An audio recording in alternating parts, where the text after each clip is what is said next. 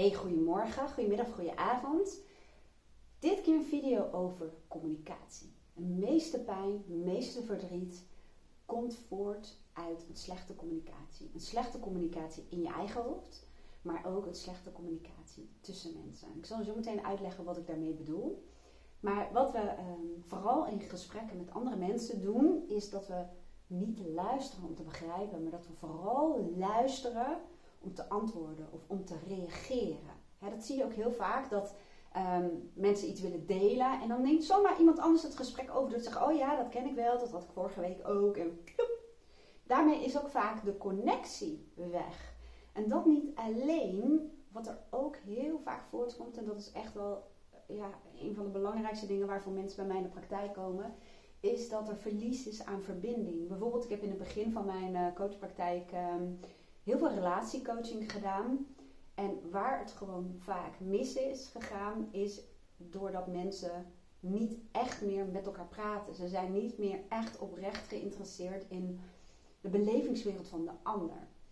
En wat je dan vaak ziet, is dat het echt over van die dingetjes gaat, zoals het tandpasta dopje of iets dergelijks. En ehm, vaak ook een beetje een strijdje van uh, zie hoe druk ik allemaal wel niet ben. En nou hints geven. En dat is echt het verlies van connectie. En dat heeft alles te maken met communicatie. Ik ga je daar zo meteen een aantal voorbeelden uh, in geven.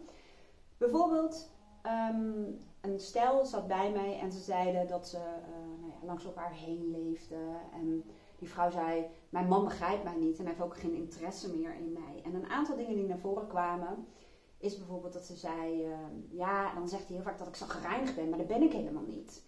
En eigenlijk wat er dan gebeurd is, hè, vaak is dat uh, blijkbaar ochtends dan bij hun. Um, de man ziet dat zijn vrouw um, ja, een bepaalde houding heeft of stil is of nou, iets in het gezicht, ik weet het niet. Hè. Dat zijn eigenlijk de feitelijke dingen. Maar wat hij doet en wat de meeste mensen doen, is dat hij die waarneming van die feiten, van die signalen, die gaat hij invullen voor haar. Hij plakt een labeltje op haar en hij zegt van, oh je bent weer lekker zo gereinigd. En wat mensen dan doen, ze gaan reageren op dat stickertje, op dat labeltje. En dan is het zoiets als, nee, ik ben helemaal niet zagrijnig. Jawel, want. En dan ga je eigenlijk uh, ja, van het ene argument naar het andere. Je gaat elkaar proberen te overtuigen. En op een gegeven moment uh, zei die vrouw vaak van, ja, nu ben ik dus wel zagrijnig. Dat was het niet, maar dan ben ik nu wel door jou.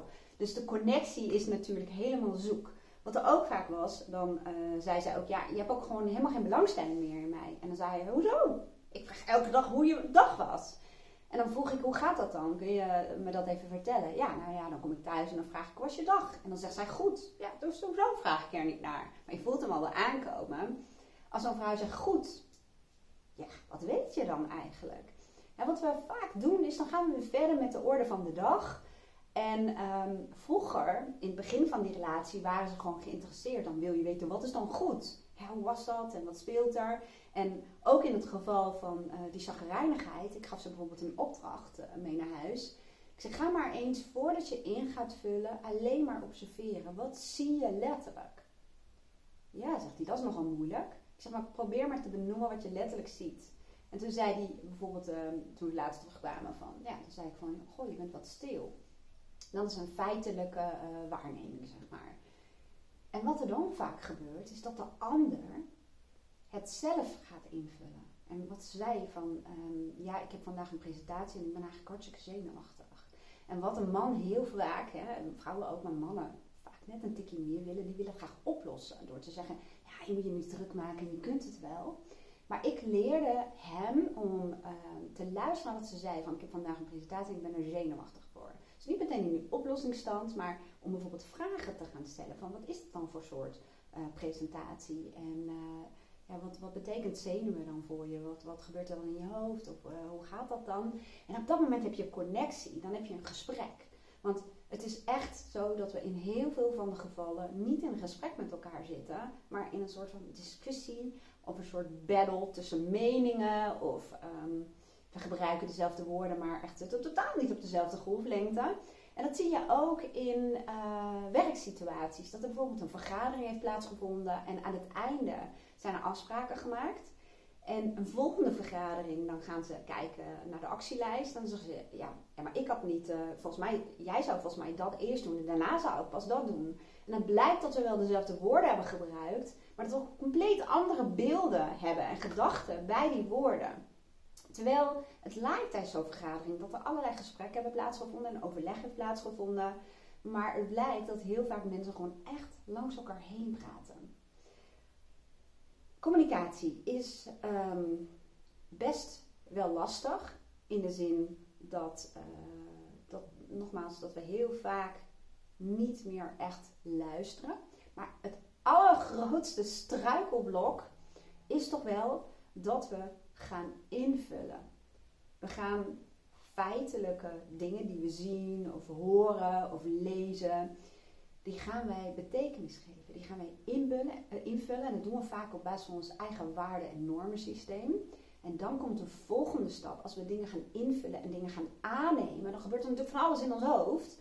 Maar dan hebben we daar ook een mening en een oordeel over. En vaak gaat het gesprek vanuit die derde stap, vanuit de mening die je daarover hebt. en het verlangen vaak om het op te lossen, om daar ook wat over te zeggen.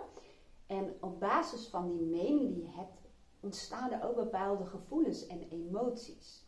En dus de gesprekken die plaatsvinden tussen mensen in relaties, liefdesrelaties, werkrelaties, tussen ouders en kinderen, die vinden plaats op basis van dat labeltje wat je op je hebt gekregen, maar ook de gevoelens die je daarover hebt. Dus heel vaak reageren we vanuit emotie.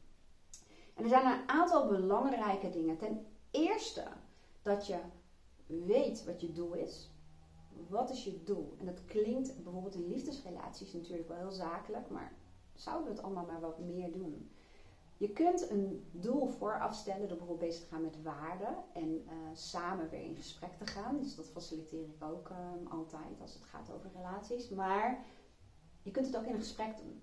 Dus je bijvoorbeeld gaat zeggen, wat gebeurt hier nou? Wat is de bedoeling nou eigenlijk van dit gesprek? Of wat is mijn intentie?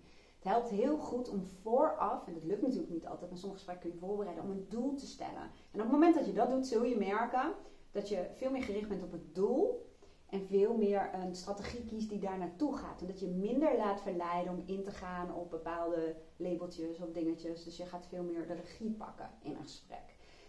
Nou, een van de dingen die dus heel belangrijk is om een doel te stellen. En ook om weer te connecten met je doel op het moment dat het al helemaal misgaat. En dat kan. Je kunt elk moment weer terug naar start, om het zo te zeggen. Maar dan heb je wel een aantal handvatten nodig van hoe doe je dat dan? Ook als je helemaal in een ruzie terecht bent gekomen, of in een meningsverschil, of in je eigen hoofd, hoe ga je dat doen? Nou, daar zijn hele best wel simpele handvatten voor, die je gewoon leren. Ehm, en het tweede is dat je snapt dat communicatie altijd verloopt via vijf stappen. En dat je bewust gaat worden in welke stap je zit en waardoor het dus misgaat. De allereerste stap is dat er feitelijk iets gebeurt. Dus iemand zegt iets. Dus luister bijvoorbeeld naar wat die iemand letterlijk zegt. Nou, was het maar zo simpel dat we daar bleven. Dus dat we feitelijk waar gingen nemen zonder dat in te vullen. Maar dat doen we niet. Dus na die eerste stap dat je feitelijk iets waarneemt, je hoort iets, je ziet iets, je leest iets, dan ga je invullen. Dus je gaat dingen aannemen. Het zal wel dit, het zal wel dat. En dan ga je vervolgens vliegensvlug in die derde stap. En die derde stap is dat je het gaat labelen. Je plakt er een stickertje op, je hebt een mening over en een oordeel over. En dat zorgt ervoor dat je bij je gevoel komt en emoties. En daar vandaan reageren we vaak. En nou ja, dat zul je wel weten. Je gevoelens en je emoties, dat zorgt voor bepaald gedrag dat je bijvoorbeeld in de clinch raakt of uh, nou ja, whatever, dat je niet krijgt wat je doel, uh, wat je voor ogen had. Vanuit je gevoel reageren zorgt voor bepaald gedrag en bepaald gedrag zorgt voor bepaalde resultaten. Nou, ik werk altijd met, uh, met vier stappen, omdat het wat behapbaarder is. Dat gedrag en die resultaten, laat dat maar even achterwege. Dat is eigenlijk een logisch gevolg van. In mijn trainingen werk ik altijd met het eerst heel erg bewust worden van je eigen aannames, wat je aan het invullen bent. En dat gaat je ontiegelijk helpen in je eigen leven. Want als, um, ik weet niet of dat er straks had gezegd, als bijvoorbeeld je leidinggevende tegen jou zegt: uh, Heb je straks even tijd voor mij? Oeh, en er gebeurt wel alles in jouw hoofd. En dat is ook per persoon anders. Sommige, een ander denkt: Oh, dat is leuk, dan kan ik het meteen even daarover hebben. Um, en een ander denkt: Oh jee, wat wil hij zeggen? Heb ik iets niet goed gedaan? Of wat dan ook. En Je kunt je voorstellen wat voor ellende dat allemaal veroorzaakt. Dus ik ga je eerst bewust maken van wat zijn de feiten? Wat zijn gedachten over? Hè? Dus hoe stop je dat invullen, dat aannemen en betekenis geven aan een feitelijke gebeurtenis? Dat is nummer één. Vervolgens leer ik je ehm, hoe je in een gesprek de regie terug kunt pakken. Maar ook, stel dat ehm, op je werk zijn er een aantal mensen die verbaal gewoon heel snel, heel adrem zijn. En jij bent meer iemand die wat meer verwerkingstijd nodig heeft. Of dingetjes in je hoofd moet puzzelen voordat je überhaupt een mening hebt. En dat je heel vaak achteraf, dus na zo'n vergadering, pas in één keer denkt van, oh ja, dit had ik kunnen zeggen, dit had ik kunnen zeggen, dit had ik kunnen zeggen. Daar zijn gewoon trucs voor. Trucs die, waarbij je altijd je veilig voelt. Waarbij je eigenlijk steeds meer gaat benoemen wat je ziet en wat er gebeurt in je eigen hoofd. En waarbij je vragen gaat stellen. En ook om helderheid te krijgen in je eigen hoofd. Heel veel mensen zeggen ook van, um, ik werd altijd uh, betiteld als verlegen of dat ik stil was, ik moet mezelf meer profileren en dat soort dingen. En dat ze door deze trucs gewoon zichzelf veel meer kunnen laten zien, maar op een manier die bij ze past, die veilig voelt, zonder allerlei meningen op tafel te moeten gooien. Dat ga je leren. Um, wat je eigenlijk vooral gaat leren, is om weer in connectie te komen met de ander. En daarmee ook jezelf. En dat geldt in elke relatie. En ik ga je zo meteen nog één voorbeeldje geven. Bijvoorbeeld in de ouder-kindrelatie. Stel je maar eens voor dat er een moeder die zit lekker aan tafel met een tijdschriftje en een boekje. En haar zoontje van zes die is boven aan het spelen. En in één keer hoort ze keihard gestamp op de trap. En in één keer staat het zoontje in de kamer. Die heeft helemaal een rood gezicht en aan het stampen. En, en die moeder, die ziet dat. Dus die, die ziet wat er gebeurt. En die zegt, Doe niet zo boos. En dat jochetje, jochie krijgt een stempel op zich gedrukt. En die reageert daarop. Die zegt, ik ben niet boos. En die moeder zegt, jawel, je bent wel boos, want... Nou, en dan kom je aan een wel eens nietes, wel eens nietes. Er is totaal geen verbinding, geen connectie. Nou, hoe kan je dat voorbeeld nou doen op basis van wat ik je kan leren? Nou, even overnieuw. Moeder zit aan tafel, kopje thee, tijdschriftje erbij. En ze wordt keihard gestampt op de trap. En in één keer staat dat jochie van zes daar en die moeder zegt, dus ze benoemt de feiten. Ze zegt, jee, wat heb jij een rood hoofd en je bent aan het stampen. Punt. Zegt niks verder. Je geeft het kind de ruimte om het zelf in te gaan vullen. En in één keer zegt dat kindje, ja, wat het lukt niet. En dan gaat die moeder vragen stellen. Wat lukt dan niet? En dan ben je in verbinding. Dan heb je connectie. Dan heb je een gesprek. Want jij had een label op hem geplakt op basis van jouw waarneming en hoe jij vindt dat het is, hoe boos eruit ziet. Maar we weten allemaal dat onderboosheid vaak ook verdriet zit. En door vragen te gaan stellen aan dat kindje, ehm, ga je merken dat er connectie is, maar dat in dit geval uh, die moeder, dat, dat zit ook in de training, meer vanuit een mentor rol gaat helpen. Dus niet het voor het kindje op gaat lossen. Van nou, dan moet je dit en dit, doen. Nee. Dat die moeder zegt, jee, weet je nog dat je dat uh, gisteren ook had? Wat heb je toen eigenlijk gedaan? Want daarna ging het goed. Dus dat je ook gaat proberen vanuit een mentorrol. En dat kan dus in je uh, rol als manager, als leidinggevende. Maar dat kan ook in relaties. In liefdesrelaties. Het klinkt onevenwichtig van mentor versus leerling, om het zo te zeggen. Maar reken er maar op dat als jij je meer als een mentor op gaat stellen, um, ja, hoe je het wil noemen, maar in ieder geval vragen gaat stellen en erop vertrouwt dat de ander het zelf op kan lossen, jee, dan gebeuren er echt dingen. Want mensen voelen zich gezien, ze voelen zich gehoord, ze voelen zich gewaardeerd, en ze voelen de connectie met jou en alles verandert. Ik heb um, uh, nou ja, deze, ik noem het trucs, maar het is eigenlijk heel oneerbiedig gezegd. Het is echt vooral bewustzijn en handvatten van hoe kun je beter gaan luisteren, maar dat niet alleen. Want we willen zelf ook begrepen worden. Dus hoe kun jij ervoor zorgen dat je de ander uit het patroon haalt dat hij dingen uh, van jou vindt of uh, voor jou op wil lossen. En dat jij eigenlijk de ander uit gaat dagen om jou te gaan begrijpen. Nou, dat doe ik, doe ik met een woord wat ik niet zelf heb verzonnen. Die heb ik van een van mijn eigen coaches geleerd, uh, Diana Simelink. Zij noemde dat ondertitelen. Een ondertitelen betekent dat je gaat vertellen wat er in jouw hoofd gebeurt. Want heel veel mannen komen hier bijvoorbeeld in mijn praktijk en dan zeggen ze: Ja, mijn vrouw zegt dat ik wel meer over mijn gevoel moet praten. Maar ook dat, hè, over je gevoel praten, is eigenlijk heel onwaarschijnlijk. Want gevoel is de taal van het lichaam. Dat zou je in het non-verbale bij iemand moeten zien. Hè? Dus in feite, die man die uit zijn gevoel wel, hè, een terugtrekkende beweging is ook gevoel. Maar die vrouw, die ziet, in dat, die ziet dat daar van alles in het hoofd gebeurt. En die wil weten wat gebeurt daar. Een stukje grip. Um, gaat heel vaak over jezelf. Dus die heeft het verlangen om te weten wat gaat er in dat hoofd om. En ik leer ze altijd om te ondertitelen. Want dan geef je wel zicht op wat er in je hoofd gebeurt. Waardoor de ander connectie met jou kan maken. En niet voor jou gaat invullen wat er allemaal gebeurt. Of aan je gaat lopen trekken. Nou, dat ondertitelen, dat werkt echt geweldig. En dat kun je dus ook doen als er niks in je hoofd gebeurt. Hè? Want dat kan ook. Ik heb wel eens gehad um, in een vergadering dat ik echt zat te kijken van... Ik hoorde woorden en ik was echt... Ik, kon er geen touw aan vastlopen. En de rest leek dat wel te kunnen. En dan zei ik, uh, ging ik ondertitelen van... Goh, ik hoor jou uh, dat en dat zeggen. En ik hoor jou dat en dat zeggen. En ik kijk hier naar de agenda. En dan zei ik, wat bedoel je eigenlijk met dat? Of wat bedoel je daarmee? Of hoe, hoe, zie je dat dan voor je? En ik ging vragen stellen um, om ervoor te zorgen dat ik helderheid kreeg in mijn hoofd. En dat ik snapte wat er aan de, gang, aan de gang was eigenlijk. En het mooie was dat heel veel mensen daardoor ook het gevoel hadden van... hé, hey, ik deed mijn best om uh, te snappen waar het over ging. En uh, ik vertelde ook wat er in mijn hoofd gebeurde. Dat er bij mij... Um, ik heb wat verwerkingstijd nodig, want ik zie dan hoor dan dingen, non-verbale dingen, dus een hoop signalen. En daar moet ik een soort van puzzeltje van leggen in mijn hoofd. En dan zei ik, begint dat benoemen van, ik heb de neiging als dit gebeurt om wat achteraf te gaan zitten, om, om een beeld te vormen van wat er gezegd wordt. Maar eigenlijk is het een soort error in mijn hoofd. En dan zei ik, nou, wat ik eigenlijk nodig heb, want ik heb tot hier heb ik het gevolgd en vanaf dat moment ja, dan gebeurt iets in mijn hoofd. Dan, dan denk ik daar aan, dan denk ik daar aan, dan ben ik eigenlijk niet meer daar.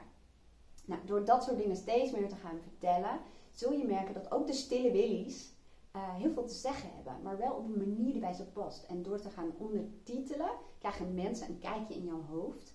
En door, uh, als je zelf leert om te ondertitelen, ga je ook merken dat je dat uh, in je gezin of op je werk, dat je mensen ook kunt helpen om dat ook te gaan doen. En dan gaan dingen echt veranderen. Ik ga het even kort samenvatten, want komende maand, november 2020, start ik met een groep met een mini online programma. En ik zeg mini omdat het maar een maand is, maar wel genoeg om echt te veranderen.